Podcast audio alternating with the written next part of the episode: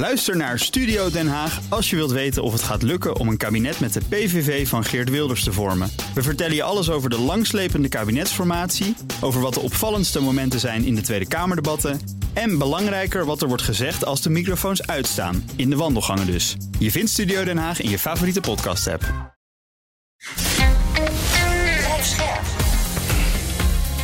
BNR Nieuwsradio. Boekenstein en de Wijk. Hugo Reitsma. Welkom bij Boekenstein en de Wijk. Het is vrijdag, dag 562 van de oorlog in Oekraïne. Rob, heb jij zicht op de situatie op de grond? Eh, ja, dat denk ik wel. Althans, eh, voor zover dat mogelijk is. Uh, nou, als je kijkt dat er bij Bakmoed en de westelijke Zaporizhia-regio enige vorderingen worden gemaakt, nou, dan wil ik dat best geloven. Het is een paar honderd meter naar links, een paar honderd meter naar rechts. Uh, echte, echte grote doorbraken zijn nog niet, maar dat kan ook bijna niet, want het gaat om zulke kleine aantallen troepen die door uh, de linies op dit ogenblik uh, gaan, dat dat, ja, dat dat feitelijk bijna onmogelijk is. Ehm, Rusland heeft enige vooruitgang geboekt bij Kupiansk. Dat is die roemruchte linie Kupiansk-Stavone-Kremina. Niet duidelijk hoe groot die vorderingen zijn uh, van, de, van de Russen. Wat we wel weten is dat een relatie van troepen uh, begint uh, aan te komen. 25e leger, die begint zich te roeren. En dat is een, feitelijk een redelijk nieuw opgerichte eenheid. Dat is een leger van verbonden wapens. Dus er zit van alles in, van tanks tot artillerie. En sorry, is dat van Rusland of van Oekraïne? Ja, van, ja, dat is van, eh, van, van Rusland. Okay. Uh, vandaar dus dat dat, uh, dat dat ook een probleem is voor die hele regio rond, rond Kompiansk. maar we moeten ook constateren dat door die clustermunitie de, de, de Oekraïners wel in staat zijn om die Russische opmars daar enigszins in de, in de tank te krijgen. Hmm. Dus daar zit, wel een, eh, daar zit eh, dus wel een probleem. Ik heb al vaker gezegd, je moet echt naar Kupiansk eh, blijven kijken... want dat is toch bijzonder wat daar, wat daar gebeurt. Maar ja, dus eigenlijk geen grote, geen grote wijzigingen aan de front. En is nu bij Zaporizhia, we hebben dan eerder besproken dat ze die doorbraak wat proberen te verbreden, de, de Oekraïners. Is dan ook al duidelijk of ze daar dan inmiddels zwaar materieel door naar voren hebben weten te krijgen? Of zitten ze daar nog steeds met die kleine Ik krijg niet de indruk. Ja, ik krijg niet de indruk. Ik krijg de indruk dat het inderdaad om pelotons gaat uh, van enkele tientallen uh, soldaten die daarin worden gebracht. en dat het grote materieel er nog niet doorheen kan. Dat is de indruk die ik heb. En ik heb daar ook verder niks van gezien. Ook niet in kaartjes met, met foto's over uh, wat daar precies gebeurt. Ja, ja, ja. De situatie in de lucht. Ja, er is weer heel veel gebeurd. Um, Oekraïne heeft een droneaanval gedaan op uh, Rostov uh, onder Don. Hè? Dat kennen we natuurlijk heel in, goed. Ja, het westen van Rusland. Van Prikosjev, uh, weet je, die bezocht oh, ja, dat en zo. Die had dat ingenomen. Ja. En dat is natuurlijk ook een hele belangrijke commandocentrum voor de, voor de Donbass. Hè? Um, daarvan zijn, nee, voor de hele regio, uh, Arik. Voor, voor, de hele, het is, de de grote, het, het, is het hoofdkwartier voor alle operaties uh, die op dit ogenblik worden uitgevoerd. En het is de thuisbasis van het 58e leger. En, de, en, waarom doen ze dat? Dat doen ze natuurlijk om dan dus... Uh, dan moet Rostov beschermd worden. En daarvoor moet je dan dus luchtafweer misschien weghalen bij de Donbass... en dan bij Rostov neerzetten, waardoor een... Oekraïns tegenoffensief iets gemakkelijker zou worden. Dat is de logica. Hè? Zou kunnen, maar Weet je, ja, ik denk dat uh, als je nou uh, de Russen wil pakken, dan moet je het hoofdkwartier pakken. Ja. En dan moet je dus onophoudelijk moet je drones, aan, uh, drones en raketten afvuren op Rostov aan de Don. want dat is zeg maar een van de. Ja, dat is het belangrijkste hoofdkwartier op dit ogenblik. En, dan, en, en als dat lukt, ja, dan zullen de Russen misschien wel een hoofdkwartier moeten gaan verplaatsen. En is het gelukt? Maar Heeft die drone het, iets kan niet anders, Het kan niet anders dan. De, er zijn twee drones zijn er ja, neergehaald. Die, en één drone ja. heeft het uh, citycentrum. Uh, ik weet niet of daar het commandocentrum is. Dat weet ik niet. Het staat, staat er ook niet. Ik hoop het wel. Uh, en verder is wat er nog meer gebeurt. Ja, maar je kunt dat commandocentrum volgens mij niet uitschakelen met uh, drones. En natuurlijk wordt Rostov aan de Don, dat is een, een, een, primair doelwit, wordt dat gewoon goed beschermd. Dus ik vraag me ook echt af of het, uh, of het nodig is om elders luchtafweer weg te halen. Want hm. ja, zo'n hoofdkwartier wordt gewoon, wordt gewoon goed, wordt gewoon goed beschermd. Dat kan niet anders. Ja. Ja. Maar goed, het zal ook wel onder de grond zitten, lijkt me. Je gaat toch niet zomaar een commandocentrum in een Dat weet ik niet. Ja. Hm. Maar goed, hoe dan ook. Uh, dan hebben we verder dus een aanval van Rusland uh, voor de vierde keer in vijf dagen met drones op Ismail. Dat, gaat, dat gedonder gaat maar door. Hè? Overigens hebben de Britten aangekondigd dat ze nu gaan, al die schepen gaan monitoren in de Zwarte Zee. In de hoop om Rusland ervan af te houden om die schepen aan te vallen. Hm. Dat is natuurlijk geen afschrikking, maar het is een soort halve afschrikking, zou je kunnen zeggen. Hm. Um, nou, wat is er nog meer gebeurd? Uh, ja, dit is, oh ja, net is er een aanval op Kriviri. Dat is de geboorteplaats van uh, Zelensky, hè, zoals we weten. Uh, en dat was ook een, een droneaanval. Hm. Dus we moeten misschien ook nog even hm. terugkomen op die drone van een paar dagen geleden, die eh, kennelijk gericht was op die Donauhaven van Oekraïne Ismail, maar aan de Roemeense kant terecht kwam. Dat is inmiddels bevestigd na eerdere ontkenningen van de kant van Roemenië. NAVO-secretaris-generaal Jens Stoltenberg heeft er inmiddels ook op gereageerd. Hij heeft gezegd die brokstukken van de drone, dat was duidelijk geen doelbewuste aanval van Rusland. Ja, de strategie die wordt gekozen, dit was dus niet intentioneel, dus we hoeven niks te doen. Hè? Terwijl, terwijl dat toch, je kunt je afvragen, is dat nou echt wijsheid? Hè? Want je mag dus debris, dat is allemaal, allemaal prima. Ja.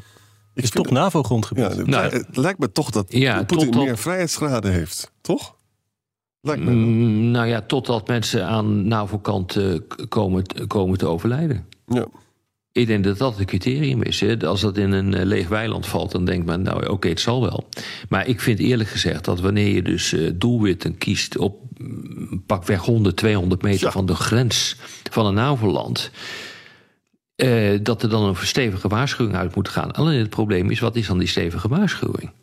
Wat ga je dan doen? Ik bedoel, probeer nou eens te bedenken uh, wat voor een respons je zou kunnen geven. Nou, een heleboel mensen zeggen, well, dan moet de NAVO-top losslaan. Ja, dat doe je dus niet, want je wil dus ook voorkomen dat je in een complete oorlog verzeild raakt met Rusland. Dat wil je dus niet. Maar stel je nou eens voor dat, je daar... een soort over- en weer vergelding komt. maar stel je voor dat je daar Gepard neerzet en je, doet, je haalt de debris dus van je weg.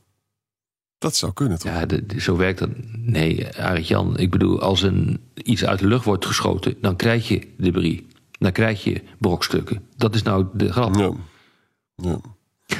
Zou je, niet, zou je niet als NAVO kunnen zeggen, nou dan moeten we dus luchtverdediging aan de grens uh, van de Donau zetten op Roemeens grondgebied. We kunnen natuurlijk niet zien of zo'n drone afkomt op Ismail in Oekraïne of op Oekraïns grondgebied. Dus dan valt toevallig die haven ook een beetje onder de luchtverdediging. Maar dat doen we puur uit zelfverdediging. Sorry Russen als het niet op ons was gericht, maar dan schieten we toch gewoon die boel uit de lucht. Ja, dat is een high-risk eh, strategy. Dus dan moet je dat weer uh, gaan afzetten tegen de kans dat dat leidt tot een uh, complete oorlog. Dat is, dat is gewoon het, duivelse dilemma waarmee uh, ook de NAVO op dit ogenblik zit. En de NAVO maar, is, ook zo... niet betrokken niet betrokken bij deze oorlog. Dat moet je je wel. Uh, maar Poetin heeft absoluut geen belang bij verbreding van die oorlog. Hij staat er al niet zo geweldig voor. En als hij dus echt Roemenië intentioneel zou aanvallen, dan, ja, dan gaat de NAVO echt wat doen. Dat is niet in belang van Poetin. Dat. Toch? Dat klopt, maar daar is dus kennelijk nu geen sprake van dat ben ik vanzelf met je eens. Op het moment uh, dat er een intentie is om uh, de NAVO aan te vallen, of een NAVO-land aan te vallen, dat moet je, uh, zo moet je het zeggen.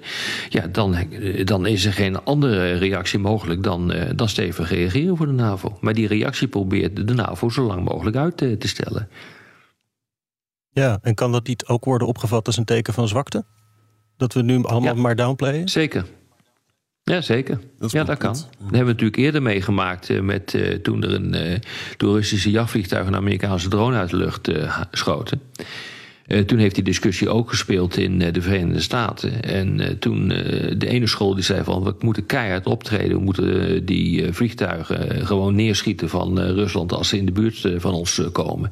En een andere school die zei van nou we hoeven niet, we moeten proberen om de boel niet onnodig te escaleren. weet je, dit zijn dingen waar niet een makkelijk antwoord op is. En uh, op dit soort momenten ben ik ontzettend blij dat ik niet in de schoenen sta van een, uh, een besluit vormen, uh, bijvoorbeeld binnen het NAVO-kwartier of binnen, de Verenigde, binnen het Witte Huis. Hmm. Maar Poetin weet nu van ik ga lekker door met Ismaël te slopen, hè? want die watjes doen toch niks. Dat is hoe hij erover denkt. Nou ja, wat zou jij dan, wat zou jij dan willen doen, Arend-Jan? Nou, ik zou bijvoorbeeld ik zou op zijn minste Kepaar neerzetten in Roemenië. En ik zou ook zeggen van als er nog een keer... Maar die zijn er ook. Dit is, is allemaal luchtafweer in uh, Roemenië. Dat is, dat is dus dat hoef je al niet meer te doen. Artikel 4 kan je, dat is natuurlijk diplomatiek, maar je kan alsnog uh, zeggen NAVO-overleg hierover. Dus nou van een soort... Ja, dat zou, ik, uh, dat, zou ik, dat zou ik wel een goed idee vinden. Nou, dankjewel. Het gebeurt dus ook nog niet, hè? Althans, daar horen wij niks van. Je kunt dat ook maar één keer doen, hè?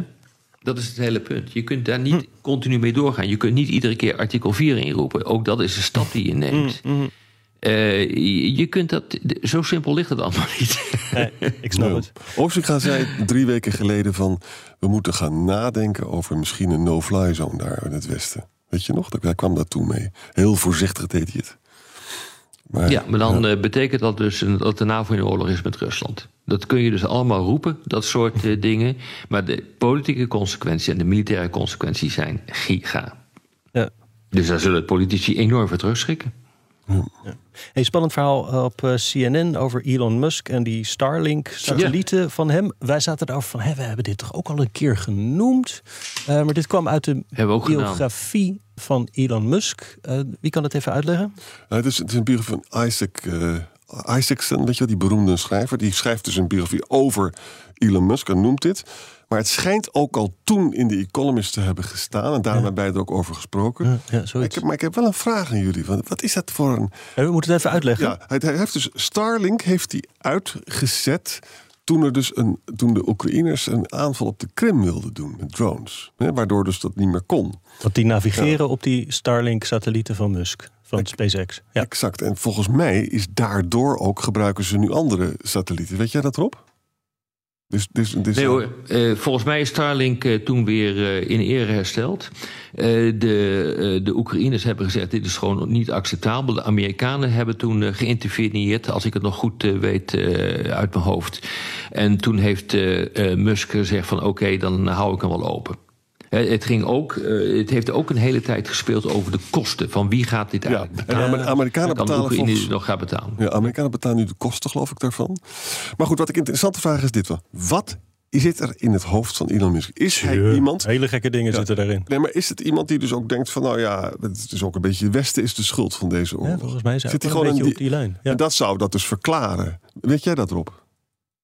Nou ja, wat ik uit de berichtgeving eh, begrijp is dat, en dat is op zich is dat een eh, legitieme vraag die Musk eh, stelt. Van eh, wat heb ik met die oorlog eh, te maken? Want eh, mijn Starlink-systeem is helemaal niet bedoeld om oorlog te voeren, maar is om mensen in de gelegenheid te stellen om Netflix te kijken.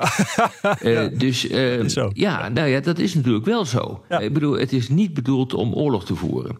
En daar wordt het dus nu voor gebruikt. Dus ik, ik vind dat een legitieme vraag die Musk stelt. Ja. Hè. Ik bedoel, hij kan dan wel een aantal rare dingen hebben. Nou ja, hij moet ook wel iets doen hoor. Iets goed doen, want anders kan- ben je niet in staat om Tesla, Tesla SpaceX en eh, al dat soort bedrijven op. eh, er wordt ook wat al te gemakkelijk over deze man eh, gesproken. Het is natuurlijk toch, hij heeft toch geniale trekken, hoe je het ook bent of keert, ook al vind je het niet leuk. Maar ook een paar gekke. Maar ehm, eh, d- ja, maar ja, exact. Maar goed, ik bedoel, genialiteit grenst ook aan krankzinnigheid. Maar goed, ehm, als je dus kijkt wat, ehm, wat hij daarover zegt, dan zeg ik goed. En een groot probleem vind ik, eh, en dat is echt een probleem, dat heeft de Europese Unie nu ook eh, ge, ehm, gesignaleerd, is dat sinds ehm, Musk Twitter heeft gekocht, nu X, het aantal eh, pro-Russische uitingen op ehm, eh, Twitter, X, Ja. enorm is toegenomen. Dus ik, ik zag in het laatste rapport wat de Europese Unie daarover geschreven heeft, dat minimaal het, het bereik van, of dat er pakweg 165 miljoen mensen zijn die dit doen op, eh, op X, dan wel Twitter. Maar dat geldt eigenlijk ook voor eh, de Meta-platform. Dus eh, dan, dan, dan praten we ook over Facebook en dat soort dingen. Ja. Ehm, er, zijn, er is 16 miljard ke- keer naar gekeken, naar dit soort uitingen. Ik, ik, kijk, wij zitten zelf ook op Twitter. En ik heb al eens een keer eerder hier gezegd: van ik heb het gevoel, sinds eh, Musk de boel heeft overgenomen, eh, dat alle remmen los zijn. Want ik vind dat als ik op mijn Twitter-account kijk, en eh, dan zit daar een disproportioneel deel in dat het, het, het Russische verhaal uitvindt. En dat is logisch, want Mus- Musk heeft, stond ook aan die kant. Die heeft op een gegeven moment ook gezegd van... Eh, nou ja, goed, eh, eh, Rusland eh, ja, kan geprovoceerd zijn. Als dat zo is, dan kun je er vergif op innemen... dat eh, mensen die dat ook vinden op zijn kanaal harder tekeer gaan. En dat blijkt ook inderdaad zo te zijn. Weet je, die ik heb opgezocht. Hè. Musk zit dus uh, al die conspiracy theories te retweeten. Bijvoorbeeld dus dat de meneer ja. uh, Soros is natuurlijk een gevaar voor de mensen. Dat is trouwens echt heel kwalijk, hè, wat, ze over Soros allemaal zeggen. Daar gaat hij gewoon in mee. Over die Texas mall shooter, hè, dat het helemaal geen white supremacist was. Oh ja? Nou, als je zulke rare dingen tweet, hè, mm. wat, wat voor ideeën heb je dan wel niet over die Oekraïne-oorlog? Hoe is het mogelijk dat iemand die, die zo briljante ondernemer is, dat die zulke zo meegaat met die, met die belachelijke ideeën. Hij heeft ook overigens ook getweet nou. over dit verhaal inmiddels. Uh, hij zegt: There was an emergency request from government authorities to activate Starlink all the way to Sevastopol. The obvious intent being to sink most of the Russian fleet at anchor. If I had agreed to their request, then SpaceX would be explicitly complicit in a major act of war and conflict escalation. Dat is zijn uitleg. Tja. Um, ja. Huis van afgevaardigde leden waren in Den Haag, Arjan. Ja, dat is, dat is wel vrij bijzonder, ja. En dat zijn niet zomaar huis van afgevaardigde leden, maar dat zijn mensen van de House Affair, uh, Foreign Affairs Committee. Dat is een hele belangrijke buitenlandse zakencommissie. Mm Je weet trouwens überhaupt hè, dat die afgevaardigden hebben dus echt een heel, kamp, heel team om zich heen. Ze zijn veel beter georganiseerd dan de Nederlandse Kamerleden. Mhm. En die worden daar ook met open armen ontvangen hè, bij de ICC. En ja, dit, is, dit speelt natuurlijk al langer. Ze willen dus Poetin gewoon uh, betichten van genocide. Aha. Uh, en in ICC gaat daar dus waarschijnlijk dus dan ook een rechtszaak over beginnen. Een onderzoek starten. Maar ja. kan jij mij nou eens uitleggen, Arend Jan? Hè? ik vind het hartstikke mooi dat die leden van het, van het Comité van Buitenlandse Zaken van het Huis daar zijn. Uh, die, die, die, met name ook die McCall, interessant, is een uh, republikein uit Texas. Ja. Uh, die heeft dit soort teksten doen laten klinken. Maar de Amerikanen hebben het ICC-verdrag niet geratificeerd. Nee, exact. Dat is, dat is wel eens dus een wat, probleem. Wat, wat, wat betekent dit nou eigenlijk? Ik bedoel, het is leuk dat ze er zijn, maar wat, wat, wat voor status heeft dit? Een tikje hypocriete status, zou ik zeggen. Ja, en, en, plus ook nog het, het, hele fundamentele filosofische probleem... waar mensen ook altijd heel erg kwaad van worden. Als je dat allemaal doet bij de ICC... dan is dus elk contact met Poetin... dat op een gegeven moment uiteindelijk toch noodzakelijk zal zijn... is geproblematiseerd, hè? En, ja. en, dit komt dus voort uit onmacht. Hè. De, de, de, die oorlog zit vast en zo, maar we moeten wel dus aan de mensenrechten denken. We moeten aan internationaal recht inzetten. Wat op zichzelf genomen natuurlijk heel verstandig is en zo. Maar het bemoeilijkt straks als we in troubled waters zitten. En dat er toch uiteindelijk gesproken wordt. Hm. Uiteindelijk wordt er altijd gesproken. Hè. Ook met de duivel en zijn malle moeren. Dus dat is natuurlijk een probleem. Ik vind het ook een beetje een teken van onmacht. Ja? Hm. Hey, en dan nog eventjes uh, de G20 komt eraan in uh, India. Maar het leuke is dat premier Modi ja. de uitnodiging heeft doen uitgaan naar regeringsleiders van de G20 om te komen, maar dan niet naar India. Nee, naar Barat. Barat. Ze moeten naar Ik Barat. denk dat iedereen op de kaart, al die regeringsleiders zijn nu op de kaart aan het kijken waar Barat ligt. Maar uh, Barat schijnt India te zijn.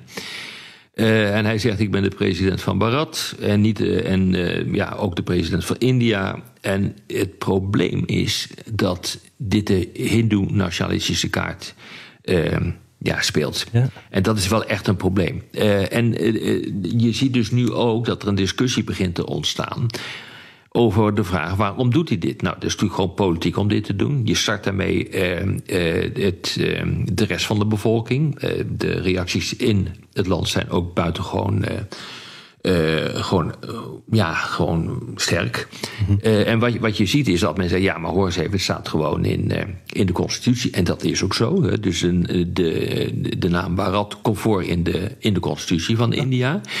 Maar tegelijkertijd wordt eigenlijk alleen maar uh, het woord India gebruikt. Voor eigenlijk in alle communicatie die het land uh, doet. Dus dat, uh, maar dat je het dus nu wil gaan veranderen.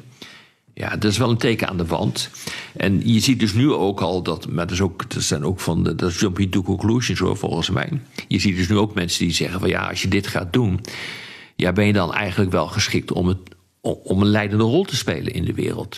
Want je bent eigenlijk gewoon bezig om intern de boel uit elkaar te spelen met, met consequenties die je nu niet kan overzien. Ik vind dat een terechte vraag hoor, die wordt gesteld.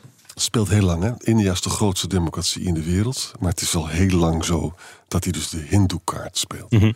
het gebeurt ook met uh, ontering van islamitische heiligdommen. Ja, ja, heeft ook eerder geleid tot grootschalig geweld. Hè? Grootschalig geweld.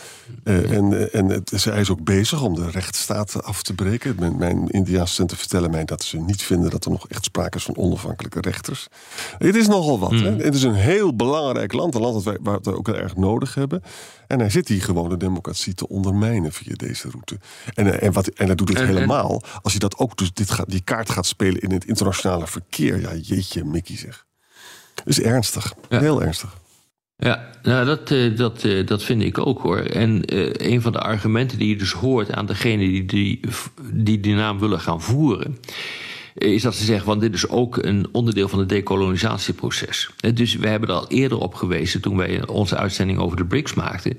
Dat we zeiden van wat, wat deze landen bindt is, anti, is een anti-westerse houding. Dit past er ook in. dus uh, wat je dus nu ziet, is dat ook uh, de steden van de namen van steden worden veranderd. Hm. En dat wordt ook gedaan onder het mom van Ehm, we willen afrekenen met, onze koloniale, met ons koloniale, koloniale verleden. Ja. ja. en dat is denk ik toch wel belangrijk hoor. Uh, dus India is echt aan het veranderen. En is ook op dit punt gewoon anti-westers aan het eh, worden. En vandaar dat dit een heel belangrijk signaal is, vind ik, eh, in de richting van. Uh, van de richting van het Westen en de andere de westerse leden binnen de G20. Ik ben echt heel benieuwd hoe dit gaat uitpakken. Weet je, Bharat is dus oud Sanskriet. India is volgens de, de mensen van Modi bedacht door de Britse kolonialisten. Hè? Ja, ja, ja. En dus het is, het is heel duidelijk ook een antikoloniale.